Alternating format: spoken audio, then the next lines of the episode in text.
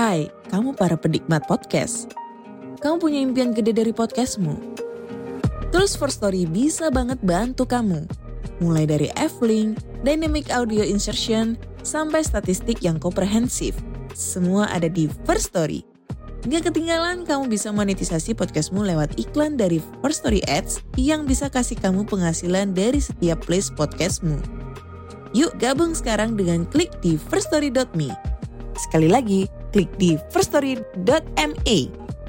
Mari kita bawa mimpi podcastingmu menjadi kenyataan. Podcast ini bekerja sama dengan First Story. Kalau kalian belum pernah dengar First Story, ini adalah platform palu gada baru yang paling keren dan memiliki fitur yang lengkap. Dan yang paling menarik, podcastmu bisa dimonetasi loh.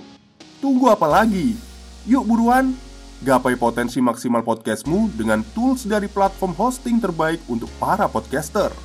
Daftarkan sekarang di firststory.me. Dijamin gratis.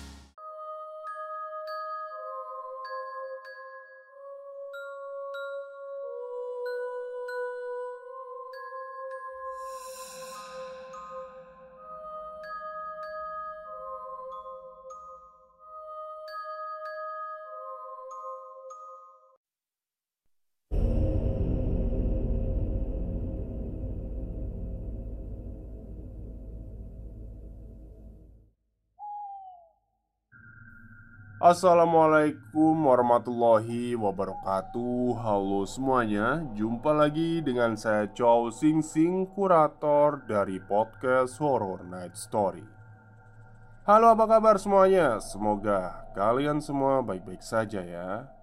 Dan seperti biasanya pada malam hari ini Saya kembali dan akan menghadirkan sebuah kisah mistis untuk kalian semua Kisah mistis kali ini saya dapatkan dari akunnya Mbak Anastasia.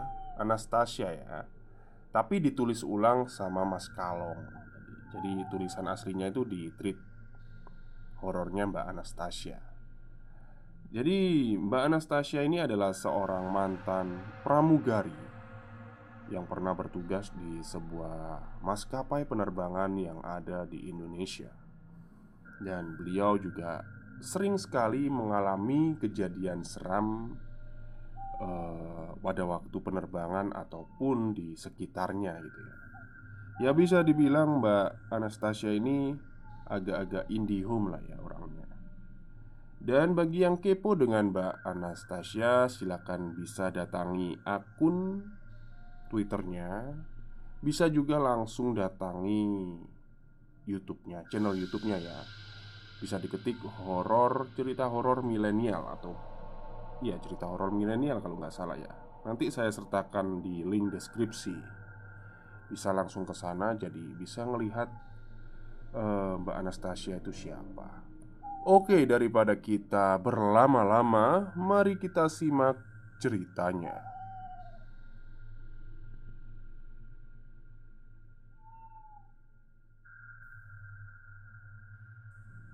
Kursinya kan kosong mbak. Kok dikasih makanan? Udah nggak apa-apa. Ada orangnya kok di situ. Mungkin sekarang lagi di toilet. Halo selamat malam. Ada cerita baru lagi nih. Kalau kemarin dari mekaniknya Sekarang pengalaman horor dari pramugari akan saya mulai kalau ceritanya udah kelar. Dan sekarang udah kelar nih. Cerita ini akan ada lanjutannya dengan tragedi ini. Kenalin Namaku Ana. Aku adalah mantan pramugari. Dan Aku mau membagikan pengalaman horor yang dulu sempat aku alami ketika masih bertugas Waktu itu ketika aku terbang dari YK ke Cengkareng. Saat itu kami mengalami sedikit delay. Karena pesawat dari Cengkareng datang terlambat. Penumpangku pun gak full seat Sehingga banyak seat yang kosong di dalam pesawat. Malam itu aku bertugas sebagai FA1 Sebutan senior awak kabin yang bertugas di sebuah penerbangan. Salah satu tugasku adalah Memastikan semua penumpang yang on board Sesuai dengan hitungan yang ada di Pax Manifest. Untuk memudahkan perhitungan Aku menunggu semua penumpang masuk dan duduk di seat masing-masing. Setelah ground staff ground staff mengumumkan penumpang telah komplit, maka FA2 atau pramugari yang bertugas di AFT station atau kabin bagian belakang membantu menghitung penumpang dari kabin belakang menuju ke depan. Sesampainya di depan, FA2 melaporkan bahwa ada satu 123 penumpang Sedangkan penumpang tercatat di Pax Manifest berjumlah 122 Jadi ada selisih satu penumpang lebih. Untuk menghemat waktu akhirnya kami memutuskan untuk menghitung ulang. FA2 menghitung kembali dari belakang ke depan. Sedangkan aku sebaliknya. Ketika aku mulai menghitung dari depan kabin, lampu ciling berkedip beberapa kali. Suatu hal yang jarang terjadi, sehingga membuat konsentrasiku buyar dan perhitungan menjadi tidak akurat. Aku akhirnya memutuskan untuk menghitungnya kembali. Oke, ketika melewati overwing, Aku melihat dari jauh ada sosok wanita berpaes dengan menggunakan sanggul berhias kembang goyang di atasnya. Wanita itu duduk di belakang bagian window seat dan menatap lurus ke arahku. Kok kayaknya aku nggak lihat wanita itu ya ketika masuk ke boarding Batinku Sedangkan penumpang yang masuk ke pesawat pasti melewati tempatku berdiri atau mungkin ketika wanita itu masuk Aku pas gak merhatiin. Tapi kayaknya gak mungkin deh. Ya sudahlah. Karena gak mau hitunganku kembali buyar Akhirnya aku memutuskan untuk mengacuhkan hal itu. Sejenak dan kembali berjalan ke belakang. Aku menghitung dengan penuh konsentrasi. Ayo ayo fokus fokus batinku. Ketika aku sampai di baris paling belakang, kok aku ngerasa merinding ya tiba-tiba. Sosok wanita itu sudah nggak kelihatan lagi. Jelas-jelas tadi aku melihatnya. Aneh deh. Aku tengok ke sekeliling kabin dan seat penumpang. Siapa tahu dia pindah dan ternyata memang gak ada Ke mana hilangnya? Kemudian Aku memeriksa lavatory yang ada di belakang. Siapa tahu dia ada di sana. Namun ketika aku sampai kosong gak ada orang. Lavatory benar-benar kosong. Aku kemudian melihat ke arah counter checker. Di sana jumlahnya 122 Hitungannya sesuai dengan hitungan yang ada di PAX.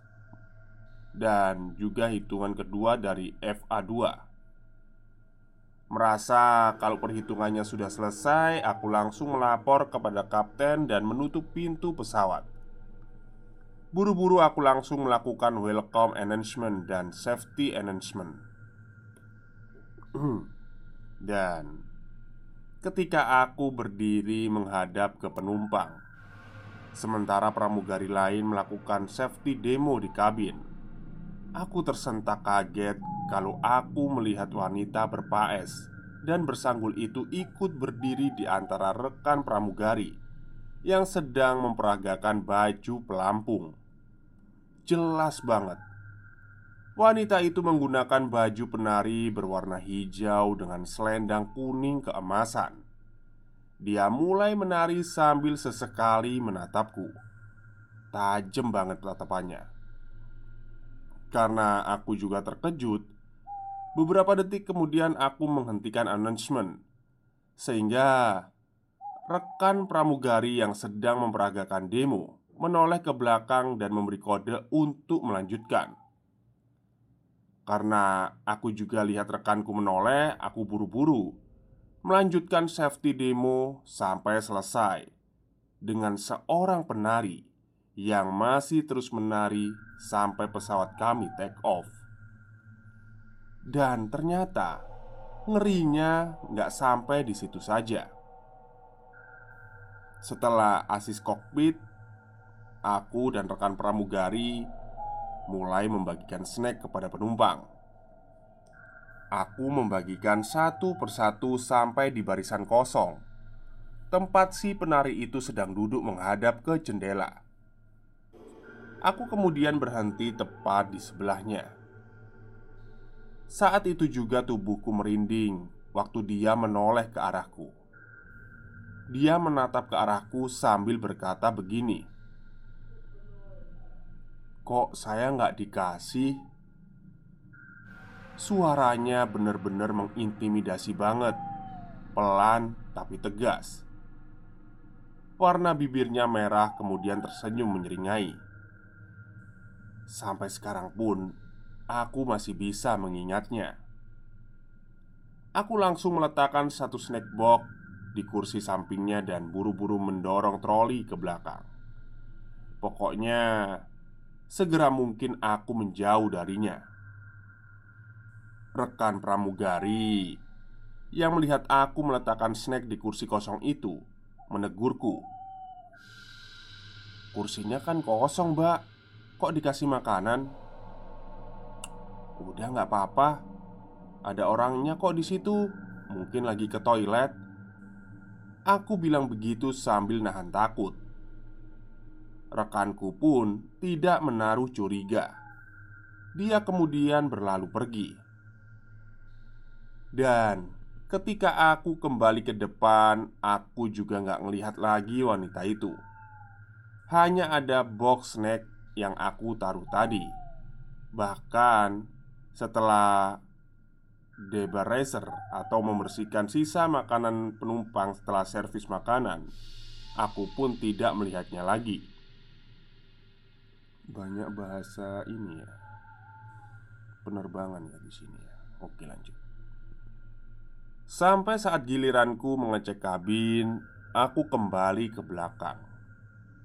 Di galai belakang, aku melihat seorang bapak-bapak baru saja keluar dari lavatory, dan penari itu mengikutinya di belakang.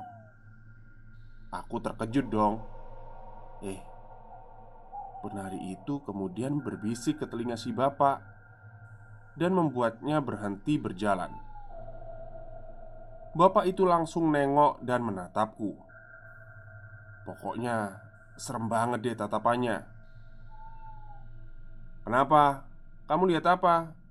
Ini punya saya Sudah Jangan diliatin toh Dia kan gak ganggu kamu Katanya Bisa bayangin kan Gimana caranya dia menghardik saya Ya Aku pun langsung mengiyakan saja karena aku juga ma gak mau Ada masalah di penerbanganku kali ini. Bapak itu kemudian berjalan ke arah tempat duduknya bersama si penari. Sampai pesawat menurunkan ketinggiannya menuju Jakarta Dan aku segera se kembali ke tempat dudukku di depan Bersiap untuk landing Setelah pesawat landing dan pintu dibuka Aku bersiap ke posisiku berdiri untuk disembak atau turun dari pesawat satu persatu penumpang aku ucapkan terima kasih dan selamat berpisah kepada penumpang yang melewatiku. Sampai ketika bapak itu dan penari lewat, bapak itu kembali melototiku dan keluar dengan wajah merah. Kayak emosi banget deh. Kalau aku bisa melihat si penari itu. Sedangkan Si penari yang mengikutinya pun berhenti di depan Garbarata atau jembatan yang menghubungkan ruang tunggu penumpang dengan pintu pesawat. Ia menoleh dan mengangguk ke arahku sambil senyum dan berucap gini.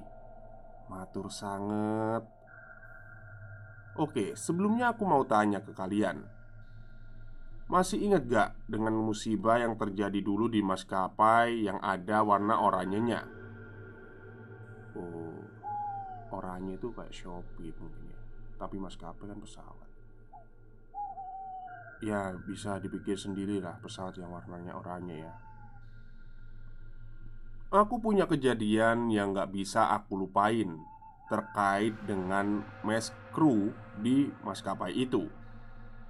Dan ini adalah kejadian sebelum aku terbang bersama penumpang penari tragedi 574 Karena kesibukan selama menjadi pramugari dan harus bolak-balik ke bandara Aku memutuskan untuk mencari kos-kosan yang dekat dengan bandara dan saat musibah 574 itu terjadi Aku lagi ngekos di dekat mes maskapai itu. Dan tiap kali aku mengingat peristiwa itu Aku pasti merinding. Seolah-olah kejadian itu masih terjadi di dekatku. Waktu aku ngekos di area sana Karena aku sedang menjalani training Aku mendengar jatuhnya pesawat itu ketika aku lagi berada di kelas training. Kami merasa prihatin dengan kejadian itu. Apalagi beberapa rekanku mengenal salah satu pramugari yang terbang saat itu. Setelah pulang dari tempat training, aku mandi dan sholat maghrib. Malam itu, aku dan teman-teman kos sedang makan malam di ruang depan. Tiba-tiba aku mendengar suara ramai-ramai dari mes maskapai yang baru saja jatuh itu. Ada suara jeritan dan raungan orang menangis yang sangat kencang. Terdengar sangat menyayat sekaligus menyeramkan. Merasa penasaran, aku dan teman-teman di kos pergi untuk melihat ke sana. Sesampainya di sana, di depan mes, kami mendengar banyak orang yang menangis Walau tangisan dan jeritan itu membuat kami merinding, tapi kami tidak ambil pusing. Karena kami pikir saat itu mungkin mereka sedang berduka atas kehilangan teman mereka. Kami pun kembali ke kos tanpa curiga. Sesampainya di kos, suara tangisan dan jeritan itu tak kunjung berhenti juga. Sampai akhirnya karena capek, Aku tertidur dan gak tahu sampai jam berapa suara itu berhenti Keesokan harinya menjelang Isya Aku mendengar lagi keributan itu dari dekat kosku Waduh, ribut apa lagi ya itu? Apa mereka masih menangis karena berduka? Pikirku waktu itu Dan ketika teman kosku mengajakku untuk melihat Apa yang terjadi? Nah, pas kami tiba, pesuruh mes sedang terburu-buru mengantarkan seorang bapak tua. Pesuruh itu tidak ikut masuk ke dalam mes. Dia menunggu di dekat dengan kami berdiri. Walaupun kami tidak akrab, tapi pesuruh mes itu tahu kalau kami pramugari maskapai sebelah yang tinggal di blok Sebang, seberang. Jadi kami pun tidak sungkan bertanya. Karena salah satu temanku juga penasaran Dia nanya ke bapak pesuruh itu. Ada apa pak? Kok sudah dua hari jerit-jerit dan nangis-nangis terus di dalam? Eh, iya Ning. Saud bapak itu agak ragu. Lalu ketika mendengar jeritan panjang dari dalam Ia kembali melanjutkan. Gak tahu Merinding banget saya. Kenapa merinding pak? Bapak itu nolah-noleh. Kayak lagi lihat situasi sekitar. Ini rahasia ya Neng. Jangan kasih tahu siapa-siapa. Apalagi wartawan. Memangnya ada apa pak? Tanyaku lagi. Jadi gini Neng. Sudah dua hari ini Mes yang di sini diganggu sama hantu. Hah? Diganggu gimana pak? Jadi mula-mulanya gini Neng. Kemarin kan saya rapi-rapi Di kamar Neng-Neng pramugari yang jatuh itu Neng. Terus pak? Terus ada yang aneh Neng. Waktu saya masuk ke dalam kamar Kamarnya becek Neng Kayak aja yang bocor gitu. Tapi seingat saya kan gak hujan. Saya cek lagi mungkin ada kebocoran air. Tapi gak ada Neng. Gak ada kebocoran sama sekali. Wih, kok aneh ya pak? Nah, yang lebih anehnya lagi nih Neng. Kok kamarnya bau amis gitu? Kayak bau ikan busuk Mungkin ada bangkai pak di kamarnya. Tanyaku menduga-duga. Ih, saya sudah cari ke seluruh kamar. Gak ada. Kamarnya bersih. Di loteng mungkin pak. Temanku ikut memberi dugaan. Ya nggak mungkin atuh Neng. Orang keciumnya kuat di kamar kok.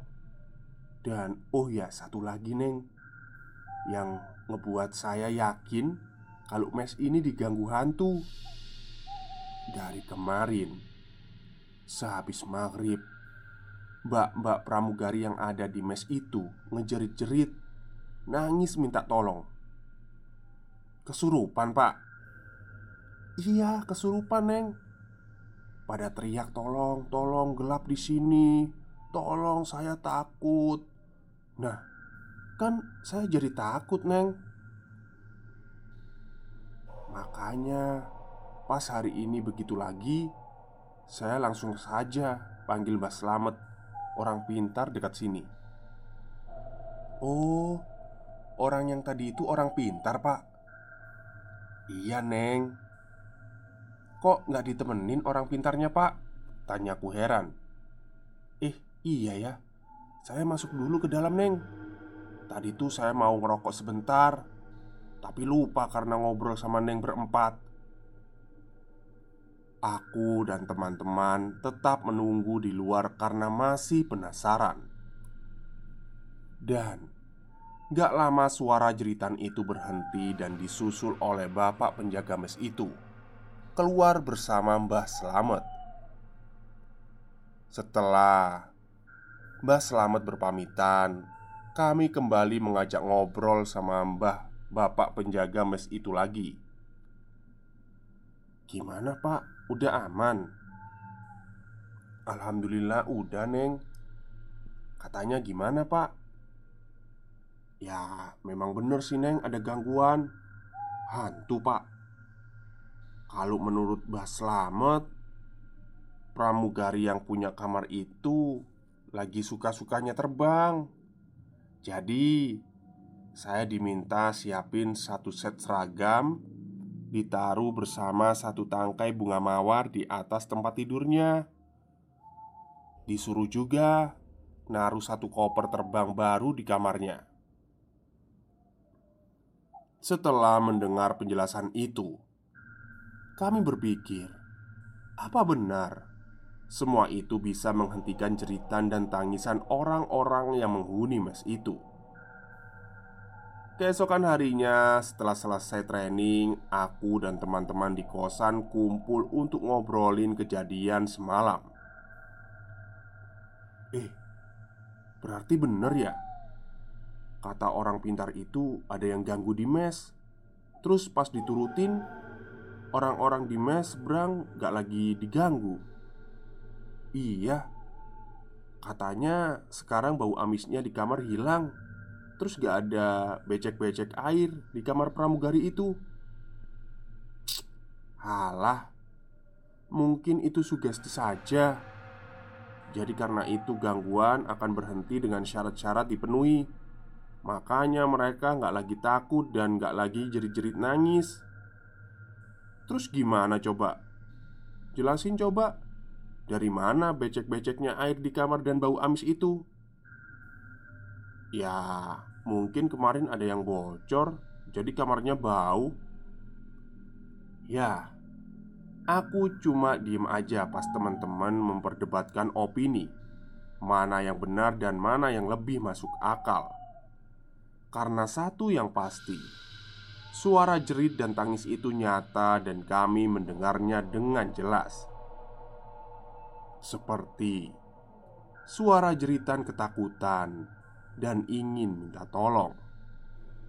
Dan yang membuatku nggak bisa melupakan kejadian ini yaitu pada suatu hari Ketika maskapai itu dinyatakan bangkrut dan mes ditinggalkan begitu saja.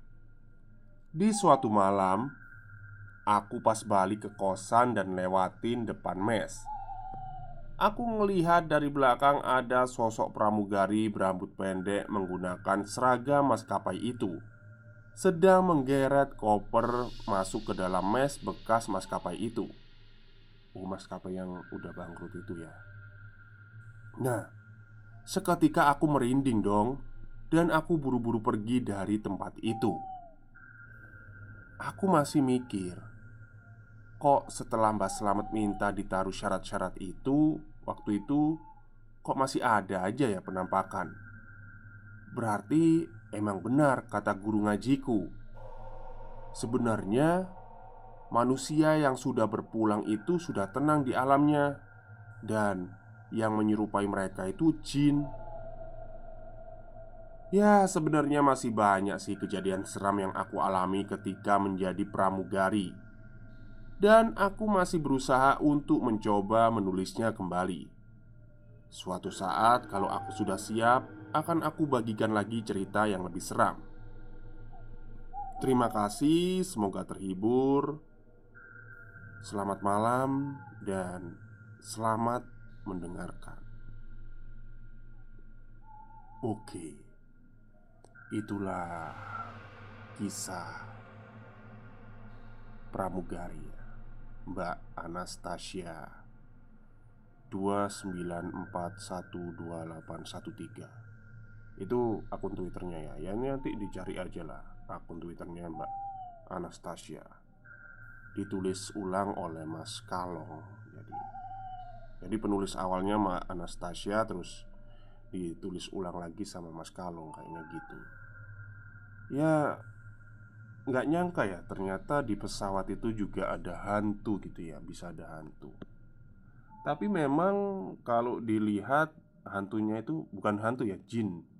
Jinnya ini kayaknya memang dibawa sih sama orang laki-laki itu Kayak bawaan gitu ya Entah perewangan atau apa gitu. Mungkin aja si bapak ini tadi marah karena Kok ada yang bisa ngelihat gitu ya selain dia gitu Serem juga sih. Untungnya nggak ngapa-ngapain gitu ya. Oke mungkin itu saja cerita untuk malam hari ini. Terima kasih kepada Mas Kalong yang sudah menuliskan kembali cerita Mbak Anastasia. Bagi yang kepo dengan akunnya silahkan datangin ya. Nanti ada di kolom deskripsi linknya. Oke mungkin itu saja cerita pada malam hari ini Selamat malam dan selamat beristirahat